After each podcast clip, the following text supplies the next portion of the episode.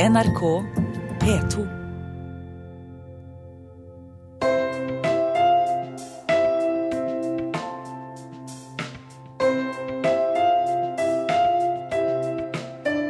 Velkommen til radiodokumentaren.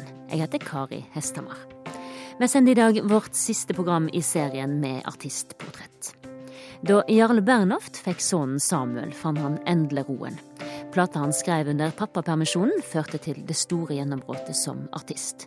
I sommer turnerer han over hele Europa og USA, og sønnen Samuel begynner å bli lei av å snakke med pappaen sin på Skype. Vi sender radiodokumentaren Popstjernepappa, et portrett av Jarle Bernhoft. Dette er jo mitt Det er jo det eneste jeg er avhengig av. Det er mitt dop, ikke sant. Jeg må spille for folk.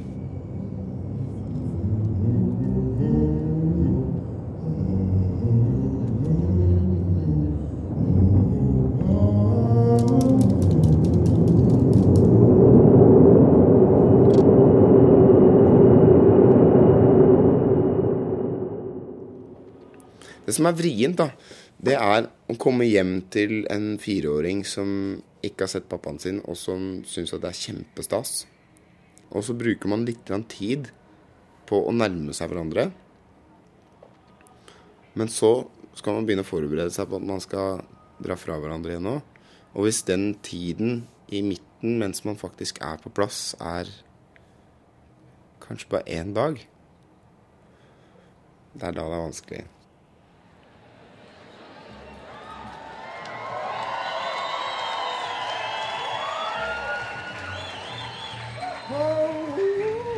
1500 mann står og venter i salen på Sentrum Scene. Bak scenen står en tynn mann med briller og høyt hår og tripper i lakkskoene.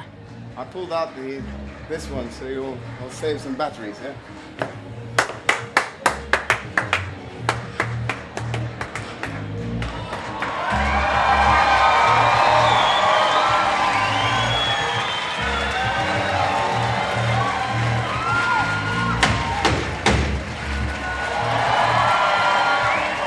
De neste månedene skal Jarle Bernhoft spille konserter over hele Europa og USA.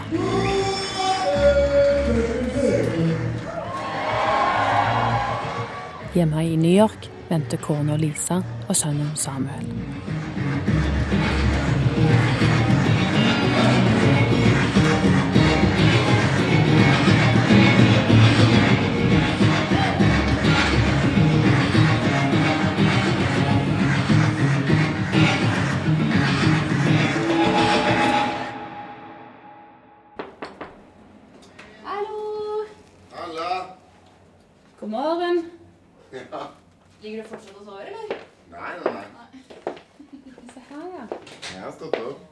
Klokka er tolv på dagen i Oslo. På Hotell Opera har VG tatt bilde av Jarle i den store hotellsenga hans. Jeg får prøve å spise litt, jeg. Klokka er seks om morgenen i New York. I en leilighet på Upper West Side kryper en fireåring opp i dobbeltsenga til mor si. De har allerede begynt dagen med intervju. og- Ja, det var faktisk i senga. Det var helt topp. Koste meg gløgg. Sovna ikke da? Nei, de var for så vidt interessante nok å snakke med. Så det var Skulle tatt seg ut. Og sovna midt i intervjuet. Nei, det gikk fint. Du har jo et vanvittig liv akkurat nå. Ja, nå er det ganske snålt. Hva er rutinene dine, da? Men jeg prøver å holde litt som vanlig. Det er jo selvfølgelig litt annerledes, for at eh, sønnen min kommer ikke kravlende opp i senga. Og det å snakke med han blir litt sånn Jeg snakker med han omtrent til midnatt, da, for da er det rett før han legger seg. Um, og da veit jeg at han er hjemme. Så, men rutinene blir som å passe på, å passe på å spise nok. Nok mat. og så skal det jo Snart så blir det jo det mest rut- rutinemessige livet av alle. Det der med å stå opp, spise, sette seg i en bil, sitte i en bil lenge. Komme fram til et spillested, hilse på folk, gjøre lydprøve, spise, spille, legge seg. Neste dag stå opp, spise, sette seg i bilen. Som Jarle hadde tenkt å slutte med musikk og bli lærer. Et vanlig liv. Det er snålt. Sånn ble det ikke. Når var det du skjønte at du var blitt en stor artist? Uh, I Ålesund i 2011 Altså, jeg var Jeg hadde spilt, og så, og så skulle jeg ut og høre på Kvelertak etterpå. Og så fikk jeg ikke stå i fred. Eh, og det var massevis av eh, lett berusede sunnmøringer som gjerne ville ta bilder. Og det var sånn selfies, selfies med blits og Og det blei så mye at jeg følte at jeg forstyrra konserten til, eh, til Kvelertak. Så jeg måtte rømme backstage. Men da husker jeg at jeg tenkte litt over at shit, er, nå, er, nå er livet annerledes. Og det kommer ikke tilbake Det gamle livet mitt kommer ikke tilbake på en stund. Det var bare trist og litt sånn eh, nysgjerrig på hvordan det Det er på sett og vis noe man alltid har jobba for. Når man gir ut plater, så vil man jo gjerne at det, det, skal, det skal gå bra. Sant? Så har det noen bieffekter, da, som at jeg tenkte når jeg, kom, når jeg gikk ut med Samuel på lekeplassen, så, så grua jeg meg litt til det å skulle For da ville jeg være, gjerne være pappaen til denne gutten. Og bare det. Jeg har ikke lyst til å være artisten Bernhoft i det hele tatt. Akkurat der og da. Og så, var, eh, så skjedde det at noen hadde lyst til å komme bort og, og hadde lyst til å ta et bilde med meg. Så, så sa jeg at akkurat nå er jeg pappaen hans, og det vil jeg være. Og det var helt greit, da. Folk er utrolig ydmyke på akkurat det der. Jeg tror jeg var på en lekeplass i Sofienbergparken. På Blindern møtte han kona Lisa. I 2010 kom Samuel. Jarle skrev ny musikk og trilla barnevogn. Året etter ble han årets spellemann og fikk en million kroner av Statoil for å slå gjennom i utlandet. Jeg har ikke sett ham på nesten en uke nå, så skal jeg være borte i to uker til. Så det blir tre uker totalt. Da kommer jeg til å komme tilbake, og så snakker han reinere både norsk og engelsk. Og har vokst og har kanskje klippa hår og fått noen nye klær. Og, og det kommer til å bli intenst rørende sending. Hvordan takler du å ikke se han? Det er vanskelig. Men eh, det må jo bare takles.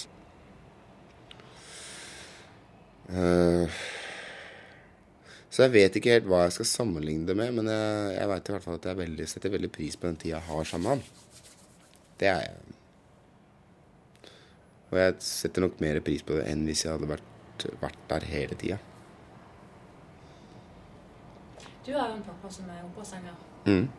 Har han vært mye vekke for, for dere? Det var jo gjerne sånn toukersperioder og kanskje fireukersperioder hvor jeg ikke så han så mye i det hele tatt. For han, var, reiste ut om morgenen, og så kom han tilbake veldig seint på kvelden. Um, Men det gikk jo bra, det òg. Jeg tenkte ikke så mye over det. Det er litt det jeg tenker med, med Samuel også. At jeg, jeg vet ikke om han tenker så mye over at uh, At jeg ikke er der. Det viktigste er faktisk Det viktigste jeg kan bidra med i Samuels liv, det er, det er når jeg faktisk er til stede. Det er det som er viktig. At jeg ikke er dust når jeg først er der. Trikset er å prøve å tenke på det på en sånn kynisk, profesjonell måte, og ikke tenke på det som en sånn Prøve å tenke på det som en musiker og en artist istedenfor å tenke på det som en familiefar. Hvis jeg tenker på det som familiefar, så blir jeg deppa. Hvis jeg tenker på det som artist, så blir jeg ganske opprømt. Klokka er to i Oslo. Jarle blir intervjua av Radio Norge.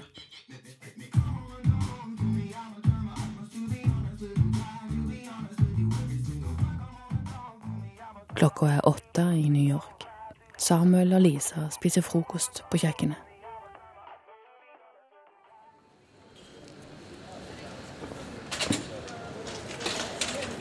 Det var jo ikke, ikke bra. Du har ikke noen som bærer for deg? Ja, en del som, eh, som liker å bære sjøl. Ja. Jeg er glad i å bære ting. Jeg vil bære! Ligg unna, sier jeg.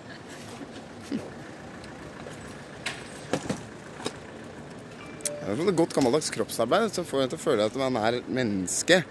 Sånn godt gammeldags menneske som er i pakt med naturen. Være ting. Altså, jeg flytter ikke så mye stein, men jeg har følelsen av kanskje som sånn Isak i Markens grøde. Tar. Nei, men at det tar tak i Man tar tak i Det må ikke stå der. Nei, det kommer right. The light. Wait till the light starts flashing. And someone's got to come out here to make sure the light. There we go. Enmannsshowet Jarle Bernhoft bærer gitarer og rytmebokser inn sceneinngangen på Sentrum Scene. Han trenger ikke være her med en gang. Så, men han er her nå. I kveld er det ny konsert. De kommer fra natt og dag. Nå skal vi leke en good cop, bad cop-spill med de.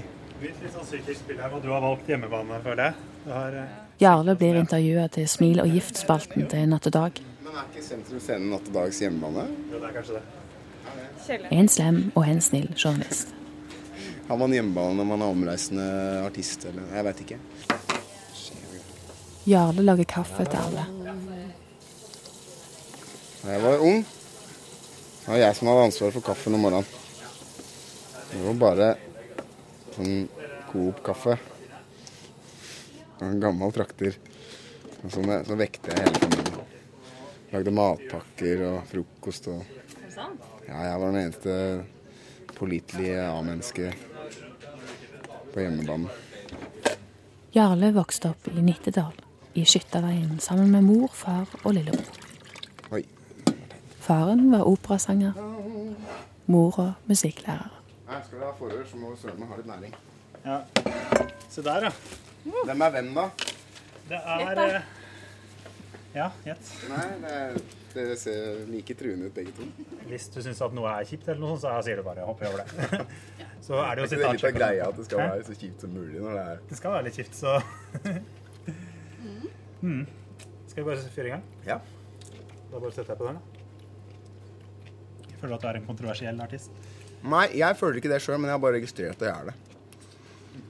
At i Norge så blir det sånn at um, Det blir som um, det som i engelsk kalles en marmite-person. Eller i England kalles en marmite-person. At det, det er sånn elsk eller hat-greie. Det er greit, det. Ja. Har du funnet ut hvem som bæsja på hodet ditt? Journalisten viser til barneboka 'Den lille muldvarpen som ville vite hvem som hadde bæsjet på hodet hans'. Nei. Det har jeg ikke. Men det kan hende det er eh, slakterhunden Henrik. slakterhunden Henrik? Mm. Hvem er det? Det er han som har bæsja på hodet. Hva er det? Jeg har ikke lest historien. hvor, hvor klipper du deg? Eh, Hjemme hos meg. Nei, sorry, jeg mente uh, Hvorfor i helvete kan du ikke bare klippe deg? Jeg gjør det. Jeg gjør det ganske ofte. Men det er altså jeg som klipper meg, så jeg har ingen andre å skylde på.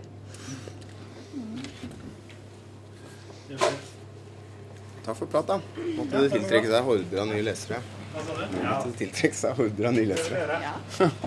Du vil bli overrasket nå over hvilket tabloide sitat vi klarer å dra ut på forsiden. Ja, det er deilig. Jeg gleder meg. Herlig. Takk for deg. Ha det. Takk. Det var litt sporty. Det var bra. Ha det. Ha det.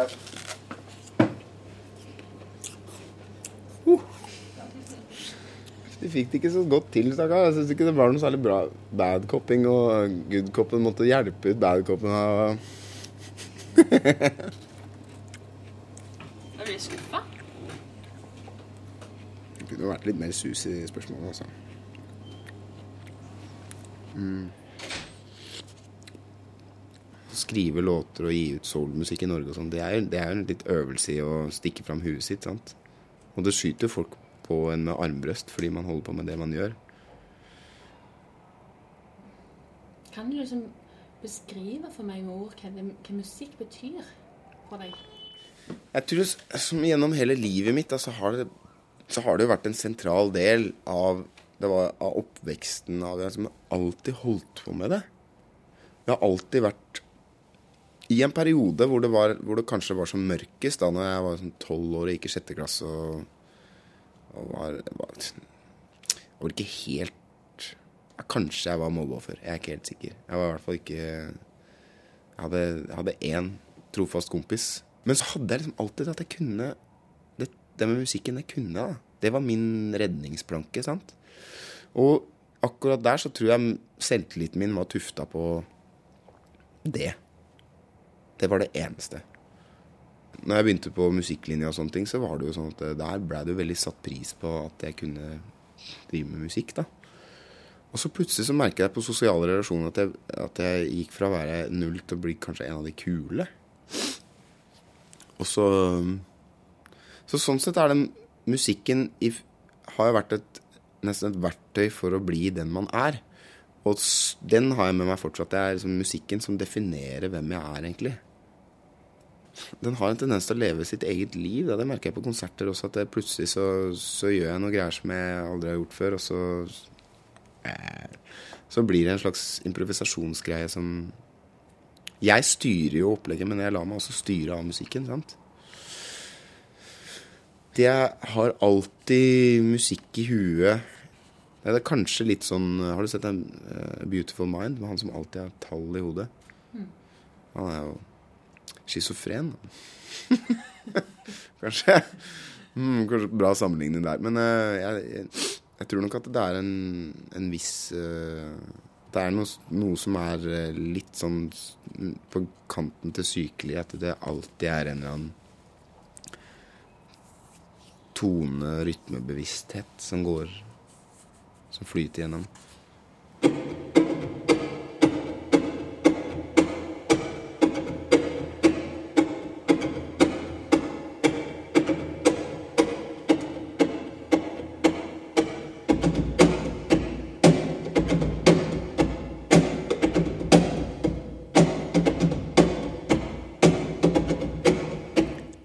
Klokka er tre i Oslo. Jarle tester utstyret på scenen.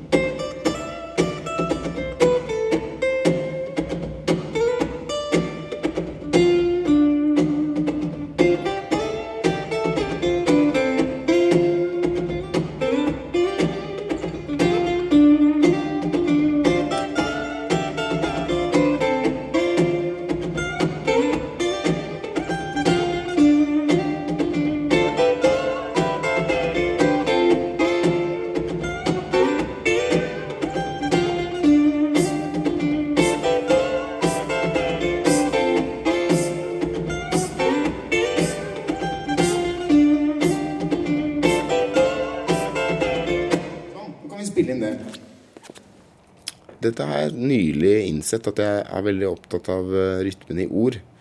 At det kan være noen sånne setninger som på en måte setter en rytme, og så trenger ikke den setningen å bli med i låta til slutt, men at den har en Ordene får en definerende makt over, over tempo og rytmen. Har du eksempel på det? Uh, jeg tror den låta som, uh, som har hjulpet meg mest ut i verden, er den som heter Come On Talk. Og da var det, var det mer en sånn En idé om at det kunne være en sånn Nesten at det, vokalen kunne lage riffet, hvis du skjønner. Men jeg hadde vært i en sånn bruddfase med eh, sånn kjæresteforhold som, som røyk, hvor jeg hvor liksom kommunikasjonsstoppen det var liksom helt sånn proppa kommunikasjon. Eller den hadde vært bra, og så plutselig bare stoppa det helt. Jeg syntes det var så jævla frustrerende. Og da gikk jeg liksom Come on, talk to me I will talk to-" Plutselig sa han Da var rytmen der.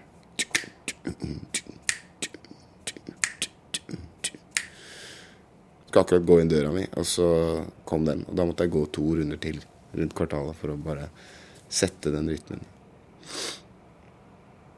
Hvis man har vært sammen, hvis man har vært i et sånt kjærlighetsforhold liksom, og vært viktigst for hverandre i årevis, da, som det var i mitt tilfelle, så skal man bare skru av den krana. Det En raushet som har vært maks i årevis. Og så er det ingenting. Det er veldig, veldig langt fra min måte å tenke på. Å gå Altså at, man, at det fins en måte å på en måte ta ned en relasjon på.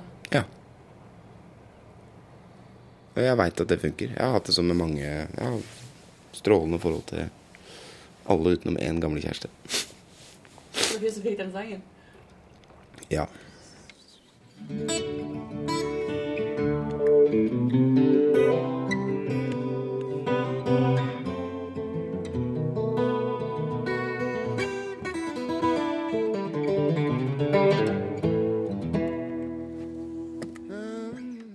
Klokka er ni i New York.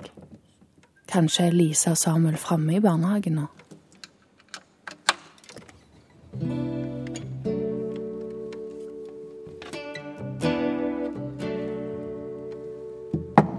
I've surfed on comets through cosmic debris, and still here I am, lost at the sea of tranquility. Without a chance to get home, inside this helmet that I'm living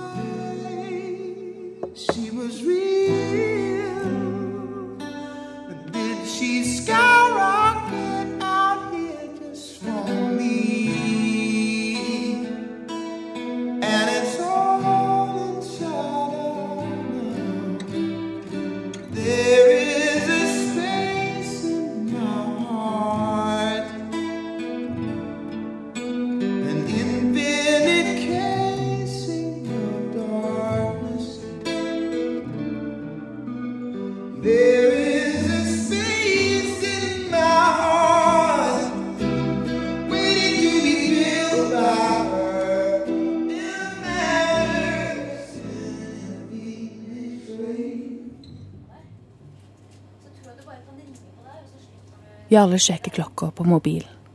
Den er fire.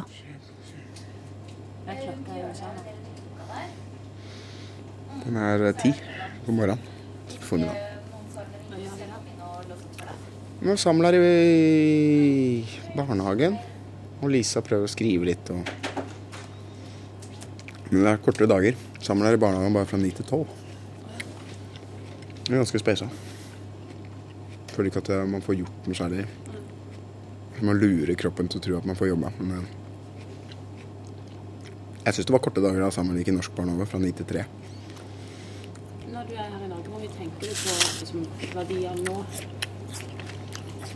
Hvor mye henger liksom, deres døgnrytme over på deg? Um, det er litt sånn jeg prøver å jeg prøver å ringe hjem mens Samuel er våken. Da. Vi, har jo, vi deler jo deler noen timer. Men det er ganske mange timer hvor jeg er våken og han sover. Nå legger vi oss omtrent samtidig. Han sover vel 11-12 timer hver natt. Men kan du merke forskjell i stemning? Altså når du snakker med en person som er et annet sted i døgnrytmen sin? Eh, ja Kanskje. Jeg har ikke tenkt på så mye som døgnrytmen, men jeg merker jo at, jeg merker at jeg er savna.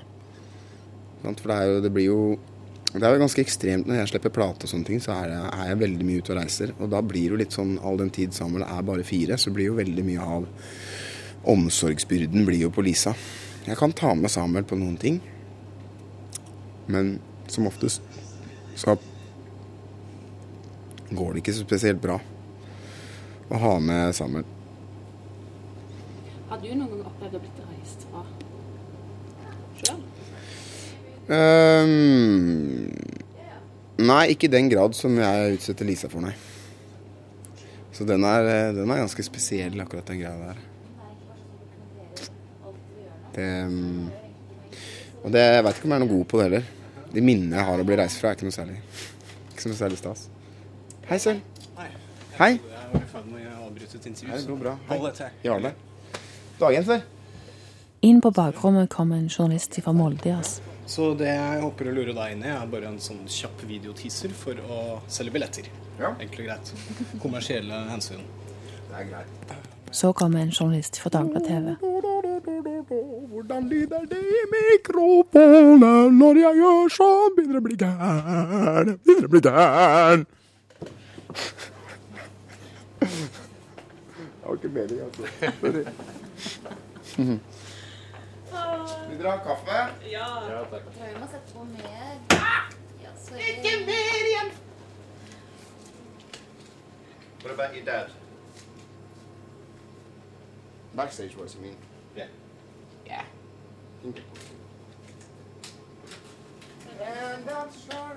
Det nærmer seg konsertstart. I didn't mean to hurt you. Jarle stryker skjorte. I'm just a jealous guy. Mm, I, I forgot yesterday. I was walking outside for ages. I was feeling insecure. Det er så irriterende når du stryker en skjorte, og så kommer det en sånn reserveknapp innafor strykejernet og misfarger skjorta. Plagene til en strykende fyr. Stryker din egen skjorte. Jeg må det. Lærte av faren min. Så er det, det er noe et eller annet med det var, det var noe som slo meg. Jeg leste Wind Up Bird Chronicle av Haruki, Haruki Murakami. Har du peiling? Trekk opp full-krøniken. Og Toro Okada, som er hovedpersonen i den boka, han, han stryker når han er stressa. Jeg merker at jeg blir beroliga av det. Det er en slags sånn meditativ greie. Stryker skjortene. Lange, sveipende bevegelser for å glatte ut ujevnheter. Det er topp. Man ser resultatet med en gang.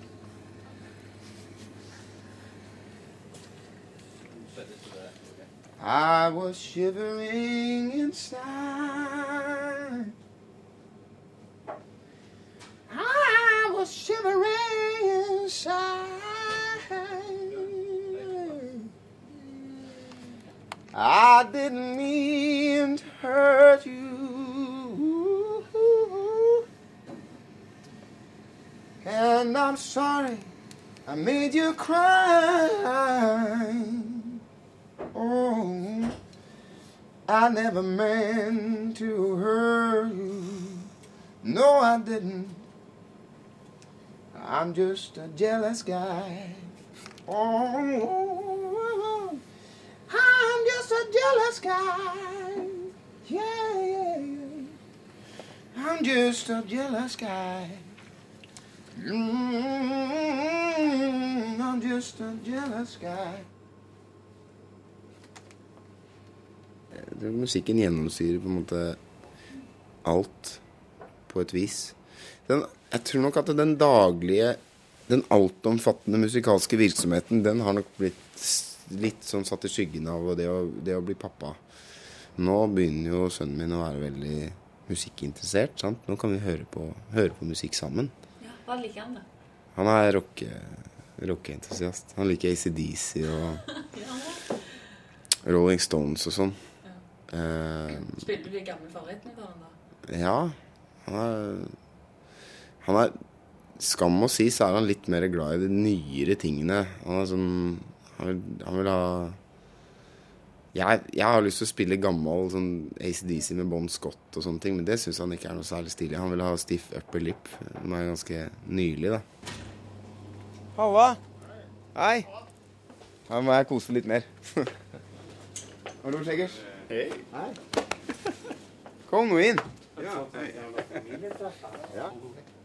Inn på bakrommet kommer far og sønn Bernhoft. Det har bare gått så i ett helt fra jeg landa i går, gutter, så jeg har ikke Jeg fikk ikke ringt, rett og slett. Pappa Bernhoft setter seg i en sliten skinnsofa noen meter unna Jarle. Hvor mye, hvor mye påvirker det deg? Far din sitter i salen? Nei, ikke så mye, egentlig. Eh, Nei, han er, han er grei å spille for, han. det, går helt, eh, det går helt greit. Ikke tenkt på, Kanskje jeg begynner å bli nervøs for det nå. Det har vært på tide. Fordi jeg sa det? Ja, jeg begynner å tenke over det. De lurer på om jeg blir nervøs av at du er i salen, farsan. Hva tror du om det? Har du Du var ikke akkurat den type faren som kasta meg i vannet med tau rundt beina for at jeg skulle lære meg å stupe, eller Jeg kan ikke huske det. Så, så har jeg fått velge egentlig vært myndig siden jeg var tolv, jeg. Det- Velge mye sjæl. I 1976 fikk Kjell Terje Bernhoft sitt første barn, Jarle.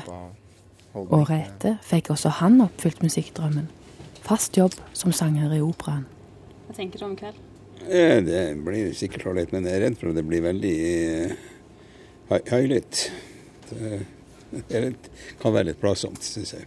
Det har vært, eh, jeg har vært eh, aktiv i. Sure. Er det den samme Jarle som du har Ja, han er den samme hele tida. Ikke noe Hadde du sett dette komme? Ja. ja, han viste jo veldig tidlig eh, at han hadde noe spesielt med han og, og musikk. Da vi reiste på ferie så eh, opp til Nord-Norge, så, så eh, da hadde vi jo bare han. Han var vel to-tre år. Han sto i baksetet i en sånn sele så han var fastspent. Han kunne stå, han kunne ligge. Ja. Og så han spilte på radio eller kassettspiller, så skulle vi se han i speilet. Han beveget seg hele tida. Har du vært nervøs noen gang på hans vegne? Nei, aldri. Jeg ble overbevist om at det her det fiksa han sjøl. Han var veldig tidlig selvstendig. Jeg husker han var, han var hjemme alene.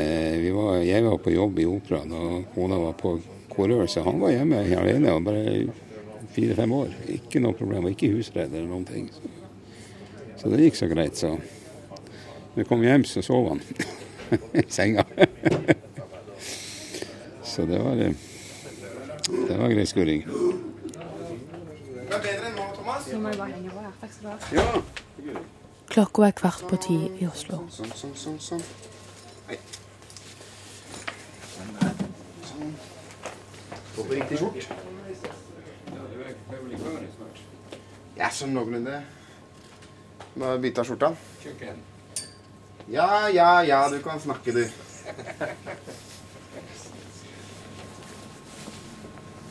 Ja, nei, jeg skal gå og få finne deg en stol.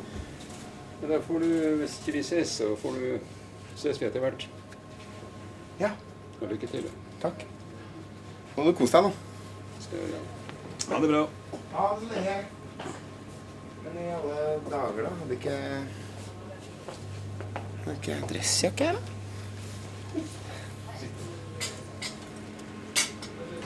Jarle småspringer ned de breie trappene mot sceneinngangen. Hello children, Jesus loves you of America.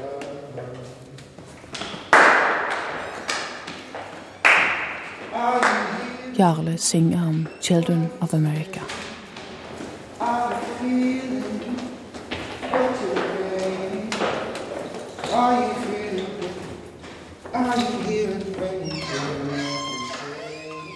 Lisa og Samuel leser kanskje om muldvarpen og slakterhunden Henrik.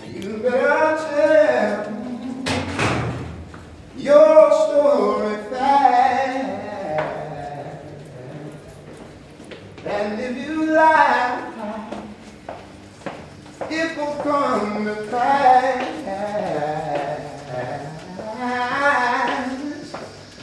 Tell me, holy, holy roller, you standing Life is over.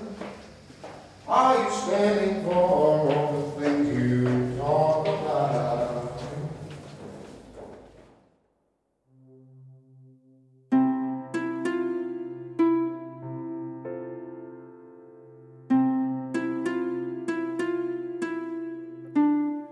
Du har hørt radiodokumentaren Popstjernepappa, et portrett av Jarle Bernhoft. Programmet var laget av Kristine Hovda.